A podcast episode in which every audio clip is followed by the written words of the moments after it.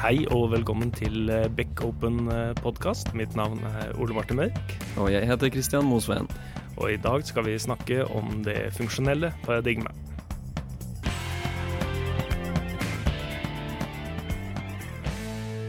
Ja, Christian. Eh, hvordan går det? Det går veldig bra. Det er eh, godt nyttår, forresten. Ja, godt nyttår. Eh, jeg har tilbrakt eh, jula i Berlin. Oh, ja. Så det var veldig Var det jule, julestemning der? Der er det alltid julestemning, julemarkeder, alt mulig. Jeg sto også en uh, time i kø for å få verdens beste kebab. Oh, ja. på Mustafas gemysekebab. Det er mwah! Er, du er enig i benevnelsen, holdt jeg på å si? Ja, jeg har spist der flere ganger. Men, ja. uh, men det, er, det, er, verdt det. Men det er litt sånn rart å stå en time i kø for å få kebab. Midt på dagen? Ja, ja, ja det er det.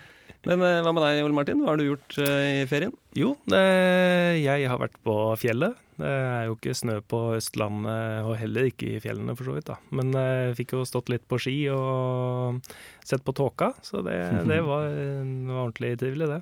Mm. Så, så, fikk jeg lest begynt å lese på boka The Second Machine Age. Ja. Som er skrevet av bl.a. Erik Brynjulfsson og Andrew McGaffey.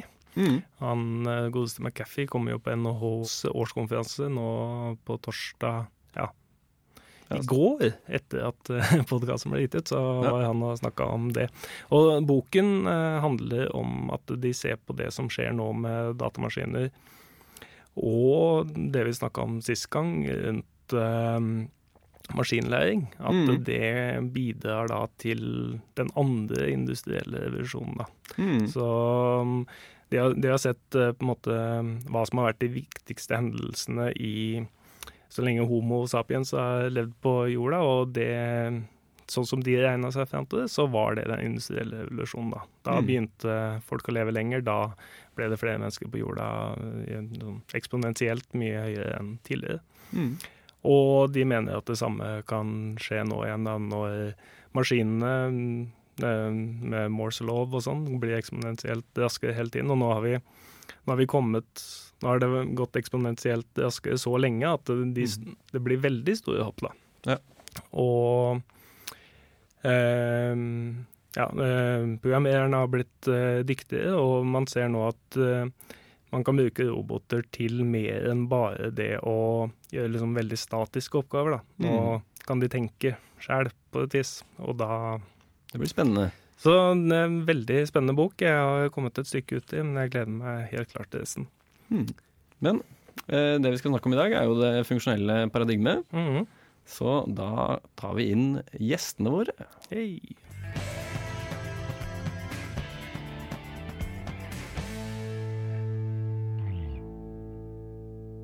Ja, velkommen hit, eh, Jonas. Hvem er du? Eh, navnet mitt er Jonas Follesø. Jeg jobber som eh, chief scientist i Beck og holder til i Trondheim. Ja, og så har vi jo en Herman til her. Thomas, hvem er du? Thomas Janseth, ja. jeg. Er fagleder for .net her i Oslo, og også initiativtaker til Oslo F-sharp-meetupen her i Oslo. Ja, så bra. Eh, funksjonell programmering, Jonas, hva er det for noe? Eh, funksjonell programmering er et eh, programmeringsparadigme der man ser på kjøring av kode som evaluering av matematiske funksjoner, hvor man prøver å unngå å endre tilstand og mutere data. Output fra en funksjon skal da kun være avhengig av input. Fordelen med det her er jo at man får kode som kan være lettere å forstå, og også forutse oppførselen til. Mm. Det er liksom i enkleste forstand. Mm. Mange har jo vært borti Eh, funksjonell programmering kanskje uten å vite det. Hvis de jobber som webprogrammerer i dag, så er det jo vanskelig å programmere uten å være borti javascript. Mm. Eh, det er et språk som har hatt støtte for det å kunne programmere funksjonelt fra dag én, eh, i form av at du kan bruke høyreordnede funksjoner der du har funksjoner som tar andre funksjoner som argumenter, eller returnerer funksjoner. Mm. Eller du kan tilordne en funksjon i en variabel. Mm. Så mange har vært borti det kanskje uten å egentlig tenke over det. Ja, ikke sant? Hva er, eh, hva er liksom den, den, største fordelen du får, jamført med tradisjonell programmering, objektorientert programmering? Den største fordelen eh, vil nok være det at du får kode som vil være lettere å forstå, og også mm. forutse oppførselen til, gjennom det å ikke mutere data. Mm. Eh, dersom du vet at en funksjon alltid vil oppføre seg litt, likt, gitt samme input, så vil det være lettere både å skrive tester for den koden, og også se for seg hvordan den kommer til å kjøre. Eh, det får også en del andre fordeler i form av eh, eh, parallellisering. Kode som ikke deler tilstand eller muterer tilstand, kan enklere parallelliseres. Eh, Det vil også være lettere å, å, å teste den. Eh, Mm. Man snakker veldig ofte om, om å kunne resonnere om koden i funksjonelle programmeringsspråk. Og det er Mm. någonting som er veldig viktig som kommer av alle de egenskapene som Jonas nämner. Mm. Till exempel att man har mutable, det är att du inte kommer ändra värdin på en variabel. Den kommer hela tiden vara densamma. Sen får du en ny variabel Mm. hvis, eh, du vill försöka arbeta med den. Mm. Og funksjonell programmering har også veldig fokus på det at ting skal være deklarativt. eh, I den forstand at man heller uttrykker hva man vil ha gjort, istedenfor stegene som skal til for å utføre det.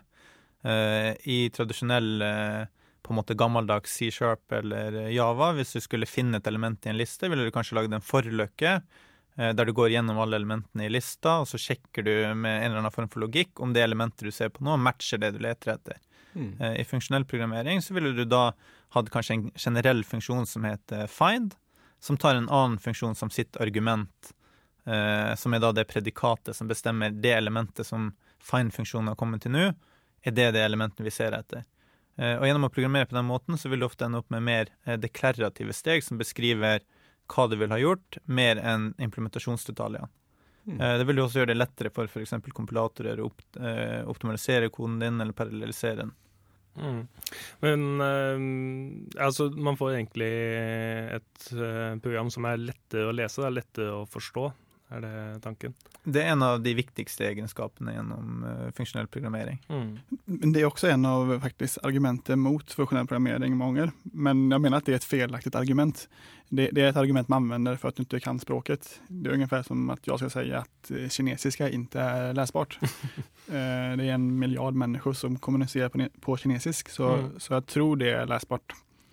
Ehm, Samma sak, du må lära dig för att kunna läsa det, men när man väl har tagit det steget och börjar lära sig syntaxen och kommit Mm. förbi det steget, så mener jeg at f.eks. F-sharp er mer lesbart enn än eh, C-sharp, for det er mindre støy i koden. Ja, for det er jo interessant å snakke om hvilke funksjonelle språk er det som finnes, Mm. i hvert fall i, i vårt eh, marked. Da. da er det F-sharp eh, og Skala. På Fortsätter. .NET, eh, på .NET är det F-sharp, helt klart. Eh, det er vel det enda relevante alternativet på .NET-plattformen. Eh, Mm. På GVM-en så har vi både skala och Clojure är väl också ett Ja, alternativ. Closure. Eh, men det är inte lika, forskjellen mellan skala och closure är väl att closure är dynamisk typ, att det är forskjell till eh, skala. Ja. då. Så, det, Mm. så det er viktig, altså det, Når man snakker om funksjonelle programmeringsspråk, så snakker man da om programmeringsspråk som legger opp til denne funksjonelle stilen av programmering. At språkene er lagd rundt det konseptet. Man kan jo programmere funksjonelt i C-sharp og C-sharp 3 og Java 8. Begge støtter for eh, closures, altså det at du kan lage en metode som tar en annen metode eller funksjon som argument. Eh, Men det er ting som er lagt til i etterkant. Eh, Så man sier da at C-sharp og Java er eksempler på multiparadigmespråk. Så hvis du f.eks. i Java 8 har brukt de nye liste-API-ene for å filtrere eller sortere lister, der du sender inn f.eks. predikatet som bestemmer hvilket element du leter etter, da har du gjort funksjonell programmering i Java. Samme i C-sharp, hvis du har brukt eh, eh, link til å, å behandle lister av data, så har du brukt et lite på en måte subset der du har jobba funksjonelt. Mm. Mens uh, funksjonelle språk, det er språk der det er defaulten. Altså der immutable data er default-oppførselen, men der du veldig eksplisitt må si om du tillater å mutere en verdi, eller der eh, alle API-ene er lagt opp til at du eh, sender funksjoner som argumenter de gangene du f.eks. ønsker å komponere ting. Mm. Eh, så det er litt av forskjellen på en måte mellom de språkene. Mm. Men eh, hvis eh, en av eh, som hovedfordelene med funksjonell programmering er å unngå sideeffekter, eller potensialet for sideeffekter, eh, hvordan er det da å Eller da får man eh, kanskje ikke ut eh, full nytte av eh, det funksjonelle språket hvis man programmerer i Java, hvor du uansett eh, det er lagt opp til at du skal ha state på et Mm. objekt, og du skal manipulere den staten. Det er nettopp en av de viktige forskjellene. At eh, hvis f.eks. du ønsker å lage et immutabelt objekt i Java i dag, så kan du gjøre det, men det krever veldig mye kode. Du må ha en konstruktør og private felter. Eh, du må sette alle feltene, du må overskrive equals-metoden hvis du skal tillate verdisammenligning av to objekter, altså det å lage et value object. Eh, og la oss si at du da ønsker å på en måte eh, I immutabel programmering så oppdaterer man ikke objekt, men man lager en kopi med alle de gamle verdiene, og så endrer man det ene feltet man vil endre. Gjør man det i C-sharp og Java, så er det veldig mye kode du må skrive, selv om du kan gjøre det. Mm. I F-sharp, skala, closure så er det på en måte bygd inn i språket fra starten av. Noe som gjør det trivielt. I F-sharp så kan du lage en eh, record, eh, f.eks. en personrecord som har fornavn, etternavn og alder. og du kan eh, instansiere han til å hete Jonas Follesø 31. Og så har du innebygd syntaks for å si at nå vil jeg ha en kopi av den recorden med samme fornavn og etternavn, men med oppdatert alder til 32. Mm, mm. Mens i C-sharp måtte du skrive ganske mye boilerplate for å få tilsvarende funksjonalitet. Mm. Og en annen viktig poeng der er at eh, når du vel har skrevet den boilerplaten, implementert equals og get hashcode og alt hva det er man skal implementere for å få et ordentlig value-objekt, er den dagen du vil endre på det objektet så kommer du mest sannsynlig å glemme å endre på equals og hashcode. Mm. Vilket gjør at din kode ikke heller kommer fungere som du forventer deg. Og det kommer være ganske nasty bugg å, å, å finne ut av. Mm. mm. Mens det får man innbygd i typsystemet og måten det fungerer i, i F-sharp og mm. andre funksjonelle språk. Og, og, det behøver ikke å være det å på en måte programmere mot immutable datastrukturer er ikke noe nytt og, skummelt. Alle som har brukt string i Java eller C-sharp, har programmert mot en immutable datastruktur. Mm. Altså hvis du vil eh, endre en strenge fra å være eh, små bokstaver til store, så holder det ikke bare å si to upper, du må på en måte si liksom navn er lik navn to upper. Mm. Fordi at du muterer ikke eh, strengen, du lager en ny streng som er kopi av den gamle, men der alle bokstavene er gjort om til storbokstav. Så man har på en måte vært borti konseptene eh, også der, uten å kanskje tenke på det. Mm. Men eh, hvis man da i funksjonelle programmeringsspråk får liksom innebygd immutability, bedre lesbarhet, bedre testing osv., osv., hvorfor er det da så få som faktisk bruker funksjonelle programmeringsspråk i dag? Nå tror jeg jo at uh, det er i hvert fall en økende del av folk som bruker funksjonelle programmeringsspråk. Som sagt, Javascript legger veldig godt opp til funksjonell programmering. Der bruker man det jo i utstrakt uh, grad. Mm. Og man ser også at uh, skala, F-sharp og closure begynner å få litt vekst. historisk sett så har man hatt gode funksjonelle språk, men de har ofte vært knytta opp mot det akademiske miljøet. Mm. og der har det ofte vært begrensninger i form av det å mangle gode runtimes og biblioteker.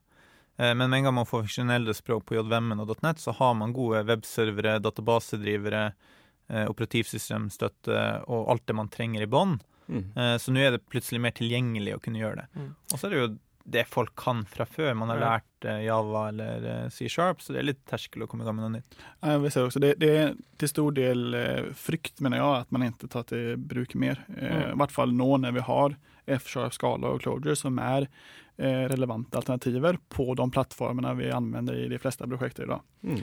Eh, jag märker også i den Oslo F-sharp meetupen som vi startet i somras, jeg tror det var over 100 medlemmer allerede. Og det er ganske mye for, et, for en meetup som kun fokuserer på ett språk. Mm. Eh, och sen i Oslo så har vi også tre andre meetups som handler om funksjonell programmering. Mm. Så det er jo et økende interesse for det, og jeg tror mange utviklere vil drive med det. Mm. Jeg, er, eh, altså, du nevnte jo i stad at uh, funksjonell programmering har hatt et litt sånn akademisk tilsnitt til nå. Jeg synes at jeg merka at det har liksom endra seg litt i det siste. Mm. Og man har begynt å snakke litt mer om I stedet for å snakke om liksom map og reduce og de tingene der, så har man snakka om eh, det å eliminere sideeffekter. Mm. Og det er jo noe alle programmerere har kjent på, problemene med sideeffekter. Så det kan jo at et annet uh, viktig moment er jo det at med å kjøre språkene på JVM og .net, så kan du dele opp applikasjonen din, sånn at du kan skrive deler av applikasjonen i et funksjonelt språk. Uh, vi har jo prosjekter i Beck der uh, deler av systemene er skrevet i F-sharp eller Skala, og deler i C-sharp og, og, Java.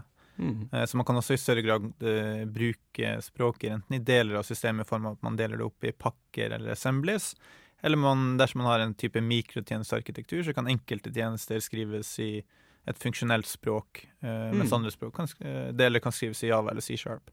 Eh, det gjør det også lettere å ta i bruk når man har sånn type arkitektur. Ja, for det var det som jeg skulle spørre meg. Hvordan, hvis man da har lyst, eller man ser at det er behov for noe funksjonelt på et prosjekt, så bør man ta det modul for modul, eller bør man begynne å programmere funksjonelt i det språket man allerede har? Vet ikke hva dere tenker om det?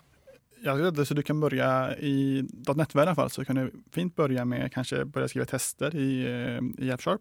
Väldigt mm. fint för det. Du kan börja skriva din byggesystem i F-sharp med Fake som är ett, ja, en byggskriptmotor kan man säga för att, för att generera eller skriva bygg. Mm.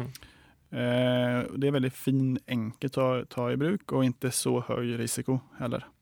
I och med att du inte ändrar den existerande applikationerna. Mm.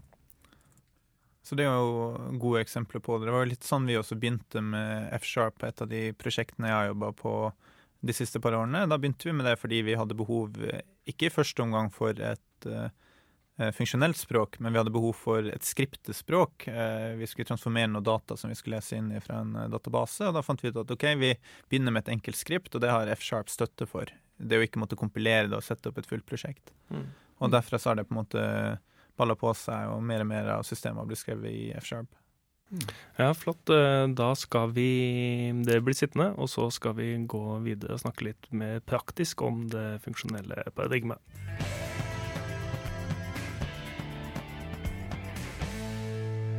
Ja, Jonas, du nevnte jo Javascript i fronten som en uh, måte å programmere funksjonelt på. Uh, ser du at det er andre elementer innen fronten hvor man også programmerer funksjonelt?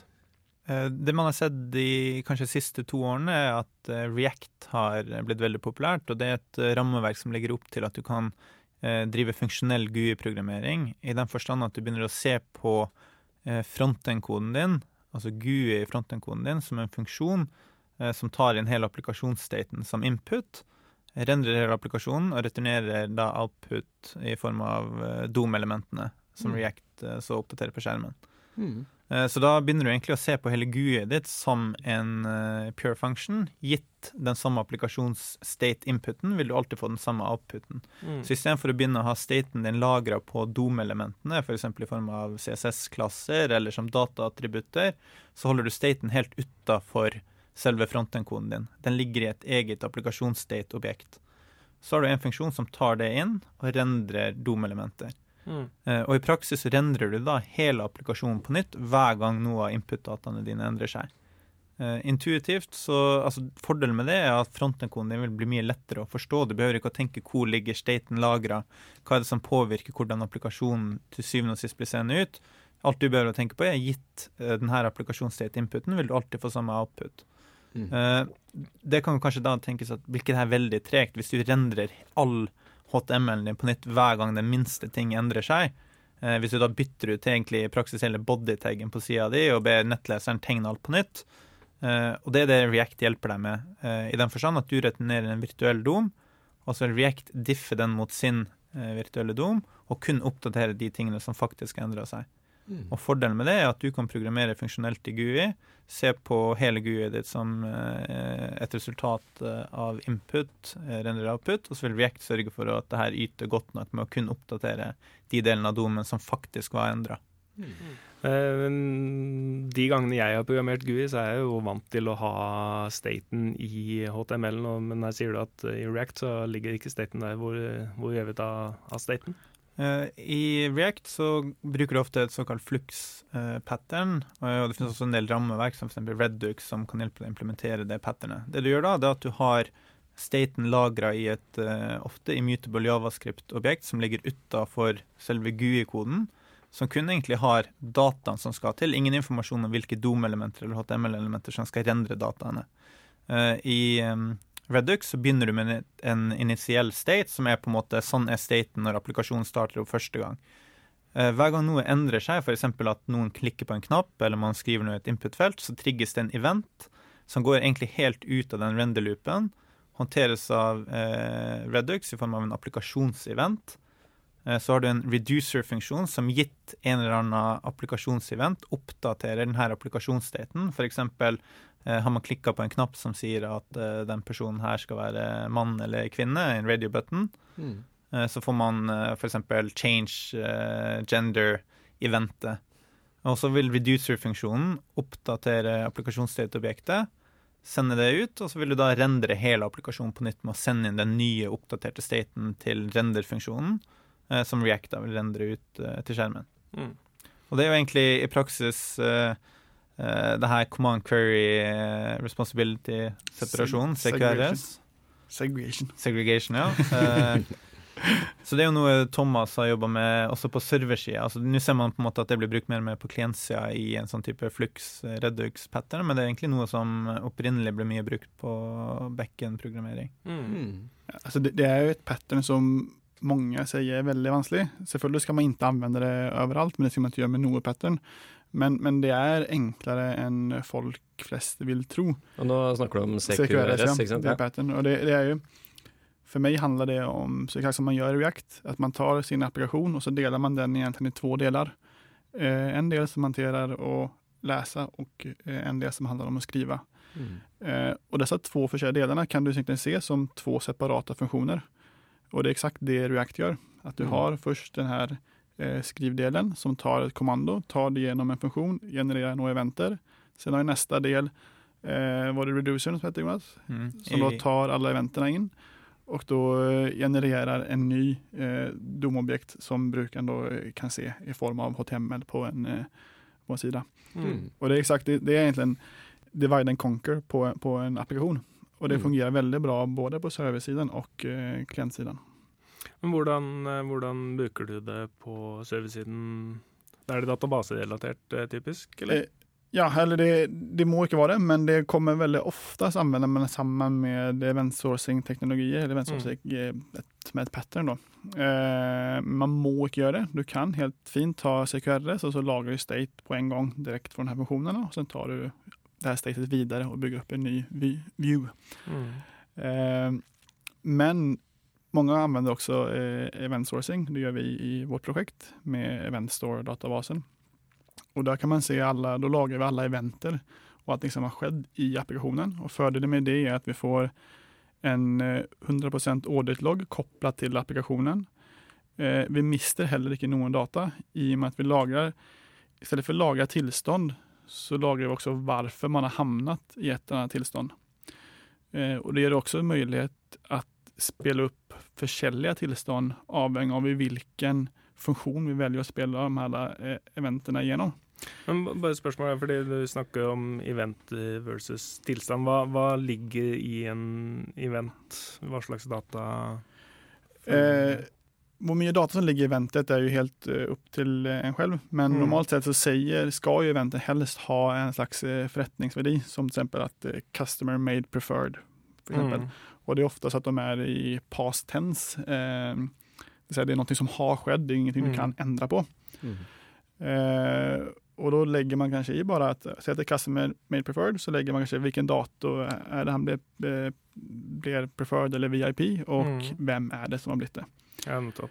Eh, og Sen kan man da velge å spille opp alle eventer som, for å finne da alle som har blitt eh, preferred, eller om man vil vite noe annet seneste året, eller hva som helst. Så, så det du, du, du lager egentlig alle endringer som Ja. egne datapunkter, Ja. og så når du skal se på dataene, da må du samle de Men det gjør man selvfølgelig på, altså, når man kan se på dataen så gjør man en produksjon innan. En produksjon er det å spille over alle eventer. mm. og så bygge opp en eller annen view som en brukare kan se. Och det kan vara HTML, det kan vara en Excel-rapport eller vad som helst. Mm. Och det gör att de här rapporterna blir ju väldigt raska för att de bygger upp på förhand. Det är ingenting du gör Mm. med 200 000 olika joints i en SQL-databas utan du gör en dedikerad view som du gör för ett specifikt eh, föremål. Som du genererer idet dataene blir lagret, på en måte. Ja. Mm. Eh, Vi har brukt en eh, lignende arkitektur på det prosjektet jeg nevnte i første del, der vi har brukt eh, F-sharp. Det er et Mm. prosjekt som heter AIR, som er en applikasjon for å samle inn informasjon om symptomer hos kreftpasienter på St. Olav, der de svarer på spørsmål på en tablet på en iPad når de sitter på venterommet, der de får spørsmål om hvilke bivirkninger medisinen har hatt, hvordan de føler seg, om de hadde smerter osv. Eh, hver gang de svarer på et spørsmål, så kan man se på det som en event. Eh, så da lagrer vi alle svarene de gir. Eh, de spiller vi over i en sånn her projeksjon eller en funksjon som Thomas snakka om. Så pregenererer vi visninger som legen skal. De vil jo da se på et aggregat av alle tidligere svar. Så hvis de har vært inne til f.eks. ti konsultasjoner, så har de kanskje svart på spørsmål om eh, hvor vondt har de på en skala fra én til ti? Ti Mm. ganger. Eh, og da pregenererer vi en view til legemodulen som har gått gjennom alle tidligere svar, ser på det som vi venter, og så lager den da et view som er legen sitt view på alle de tidligere gitte svarene. Og Det som er også litt av fordelen med det her, er at hvis vi ser at vi plutselig har behov for å vise andre typer data, eh, så lenge vi har alle tidligere svar, så er det veldig enkelt å egentlig bare utvide den funksjonen som genererer viewet, til å også ta med f.eks. utviklinga på vekt så vi mm. behøver ikke å se for oss alle visningsbehovene, så lenge vi vet at de originale dataene ligger lagra i eventene. Mm. Så vil det være veldig enkelt å, å, senere kunne ta de opp i en sånn legemodul. Mm. Eh, en annen stor fordel med den type arkitektur, som er jo ren, ren funksjonell egentlig enda fra toppen ned til databasen, er at du får allting i stort 100% testbart. Mm. I og med at input er da mest sannsynlig rene kommandoer, og ut kommer eh, rene eventer som skal være value objects, hvilket betyr at du kan sammenligne alle eventer med hverandre. Da kan du veldig enkelt skrive tester der du har input, som er et kommando, og så et forventet sett med output, som er et gitt sett med eventer. Mm. Og hvis testen, eller hvis et, et enda event ikke stemmer, så kommer de her testene å gå feil. Mm. Uh, og det er ikke bare at du tester faktisk det som funktionaliteten forventes ha, du tester også at den ikke har noen sidoeffekter. Mm. For hvis det kommer et ekstra event ut av den funksjonen, så har du en sidoeffekt du ikke forventer deg, og da kommer testet gå feil. Mm. Mm. Så det gjør, det gjør, koden ekstremt testbar, og all, all, testing blir i stort sett veldig homogen også. Mm. Men, men, kan man egentlig si det at uh, man kan ikke programmere 100 funksjonelt uten uh, å basere seg på event sourcing eller eventer, da, streams eller whatever, men med det samme man uh, oppdaterer et Eh, en entitet i databasen, så har jo programmet ditt sideeffekter. Så Du kommer jo alltid ha sidoeffekter en eller annen gang. Eh, mm. Du er aldri 100 ren. Til og med Haskell har det også, fast de kapslerer inn på, som håndterer det på en spesifikk måte. Mm. Men det viktige i generelt mener jeg, arkitektur, ikke bare for programmering, er at du skal dytte ut de er sidoeffektene så langt ut i kanten av applikasjonen som mulig. Mm. Så kun ha sidoeffektene i starten av applikasjonen, dvs. Si din kommando er på en måte en, en sidoeffekt som du putter inn och sen har du det skrivet i databasen som är då andra änden av applikationen. Mm. Och inte ha de här sidoeffekterna i form av eh, ändring av state og liknande. De skal vi försöka undvika. Mm. Veldig bra. Um, tror dere at det blir eh, mer funksjonell programmering på eh, prosjekter i Norge i 2016? Det tror jeg absolutt. Man ser jo det som en ganske stor trend i fronten i dag, at React og de her flux-patternene blir brukt i større og større grad. Eh, språk som eh, F-sharp og skala, Closure, blir også tatt eh, i større og større grad blir tatt i bruk i prosjekt. Ser man også på utviklinga til C-sharp, så er veldig mye av det som har kommet i C-sharp 3, 4, 5 og 6, vært ting som allerede har funnes i F-sharp. Altså Vi fikk async og await, det er jo asynchronous workflows i F-sharp. Det har vi hatt siden F-sharp 2.0. Mm. mye av det som man så for seg å få gjennom f.eks. pattern matching i C-sharp 6, men som de måtte utsette til 7 er eh, ting vi allerede har i F-sharp i dag. Eh, og det er en trend jeg tror vi kommer til å, å se fortsette, da, at mye av innovasjonen skjer i de her type funksjonelle språkene, og så at det gradvis blir fasa inn i C-sharp og Java. Og da kan man jo kanskje like så godt prøve ut eh, Skala og F-sharp og bruke det allerede i dag. Mm. Men enda viktig er, even om man får inn alle de her eh, egenskapene i redan eksisterende språk som, som, som C-sharp og Java, så er det de språkene kommer aldri til å kunne bli helt funksjonelle, for de mm. mangler eh, viktiga principer som immutable by default. Du mm. har null values, vilket är Tony han som kom på eh, null i 65 tror jag. Han har kallat det his billion dollar mistake. Mm. Og, og eh, det, det, er sånt som finnes innbygd i språket, og man kan ikke fjerne det. For det, ja. det er alldeles mye ting som er avhengig av at null skal, skal eksistere. Mm. Eh, men det er veldig viktig, uansett om du kommer bli en C-sharp eller Java eller F-sharp eller Scala-utviklare, så er det viktig å lære de her funksjonelle paradigmene for at det blir mer vanlig i alle språk. Mm. Eh, så man bør ta en bok, sette seg ned og, og lese opp seg på funksjonell programmering og prøve det ut. Og med prøve det ut så mener jeg liksom å, å embrace eller omfamne det funksjonelle paradigmet og ikke forsøke å skrive objektorientert, pro, objektorientert programmering i i F-sharp eller skala, for det er ikke funksjonell programmering. Ja. ja. Nei, man, man, ser jo også det funksjonelle paradigmet. Når vi hadde episoden om skyen, så snakka vi om immutable eh, datamaskiner, holdt jeg på å si. Eh, og du ser det jo med stream processing med Twitter Storm og hele den eh, biten der, sånn, så det er ikke noe tvil om at det er noe som ber om seg i, i den norske teknologiverden. Men en ting som alltid er morsomt å spørre programmerere om, er jo uh, hva er forretningsverdien av dette her? Det er jo ikke noe tvil om at uh, det er morsomt å programmere funksjonelt, men uh, Jonas, kan du si noe om forretningsverdien? På prosjektet vi jobba på, så var forretningsverdien først og fremst det at vi med å bruke F-sharp som språk fikk et langt mer kompakt språk som var immutable by default. Hvis vi skulle lagd de her value-objektene sjøl og bygd opp den domenemodellen, så ville vi endt opp med kanskje åtte-ti klasser på en 150 linje hver. Eh, det vi endte opp med i praksis, var én F-sharp-fil på kanskje 30 linjer. og der hadde vi egentlig hele domenemodellen med alle typene i systemet vårt definert. Så vi fikk utrolig kompakt, lett å forstå eh, kode. Så for oss var det en av de viktige egenskapene. Mm. Eh, det andre tror jeg går på rett og slett til å forstå et system. Eh, det er jo en, egentlig en kjensgjerning at vi ofte bruker mye mer tid på å lese og forstå kode mm. enn på å skrive den i første omgang. Så hvis vi Alt vi kan gjøre for å legge til rette for lesbarhet og forståelighet i koden, vil gi stor verdi eh, når det kommer til videreutvikling og forvaltning av kode.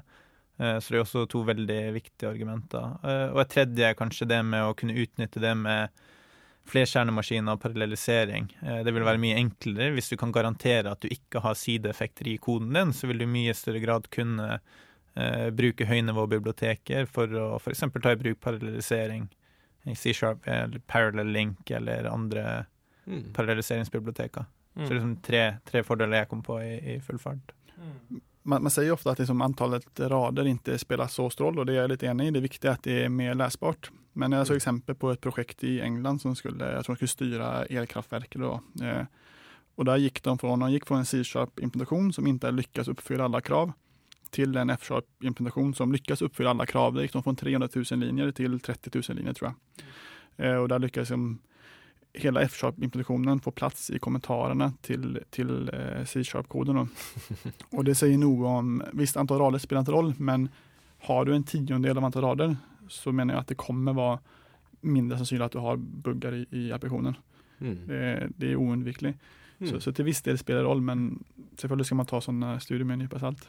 Og med CQR, som vi har snakka litt om også, så har du forretningsfri i den forstand at du har all historikk om alt som har skjedd av forretningsevents i systemet ditt. Sånn at hvis kunden på et senere tidspunkt spør Eh, hvorfor ble den kunden sånn og sånn, eller i mm. vårt tilfelle, da, på den, den legeapplikasjonen, så kunne vi få en lege som sier at her har vi behov for å vise eh, den og den type data. Eh, og da kunne vi se at så lenge vi har alle de tidligere svarene pasienten har gitt, så kan vi enkelt gå tilbake og spille av eh, alle de svarene og generere nye visninger for legen. Mye enklere enn vi kunne gjort dersom vi ikke hadde lagra det som events og, og den arkitekturen. Mm.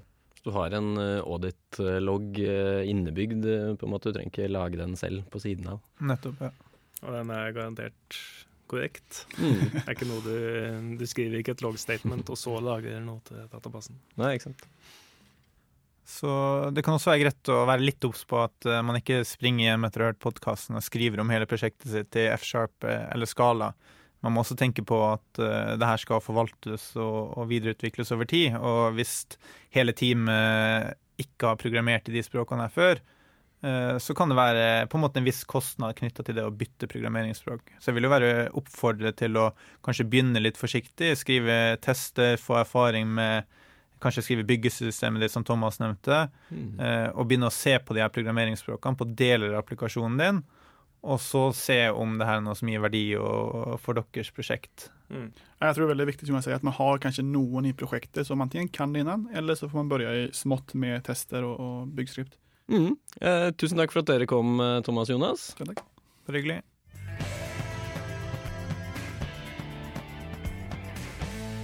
Takk til eh, Jonas og Thomas for deres introduksjon til eh, det funksjonelle paradigmet. Veldig, veldig interessant. Det er jo noe som har eksistert en halv mannsalder, men mm. vi ser jo helt tydelig i markedet at det, det begynner å ta nå. Nå begynner det å bli på tide å komme seg på det toget. Mm. Men eh, hva skal, hva skal vår kjære lytte, eh, lytte på fram til eh, neste episode, Kristian? Det er en, en, veldig bra annen uh, norsk uh, datapodkast som heter Bart JS. Som er eh, et, eh, et slags eh, eh, supplement til Bart JS-meetupen i Trondheim, som er en javascript, en trøndersk javascript-meetup. Selvfølgelig fra Trøndelag med det navnet. Ja, ja, veldig bra navn. Um, og de har to episoder ute, selvfølgelig nullindeksert, så det er episode null og episode én. Og den første handler om uh, javascript på desktopen, og den andre eh, hadde tema React Native. Det er veldig spennende. Mm. Eh, behagelig å høre på, du lærer masse. Og Jonas var jo med i første episode der også. Det stemmer. Og hvis du enda eh, vil ha med Jonas, så kan du lytte på en episode fra 2009 av podkasten .net Rocks, hvor han uh, unge Follese snakker om uh, GUI-programmering på .net-plattformen og de utfordringene som fantes der da. .net Rocks er jo en podkast som har eksistert i mange år og har gitt ut litt flere episoder enn oss. De er oppe på episode 1238. Oi. Eh, episode 1235 hadde en norsk gjest, eh, Einar Høst fra Kompetas, som ble gitt ut på julaften og handla om eh, teknisk gjeld og hvordan man skulle behandle det. Det var slett ikke verst, altså. Så Mm. den podkasten anbefales også for ikke.nett-programmerere. Ja, så bra. Um, hvis dere vil eh, lese mer om eh, de tingene vi har snakka om i denne episoden, så kan dere gå til openbeck.no og finne bloggposten om denne podkastepisoden der. Så snakkes vi. Ha det! Ha det.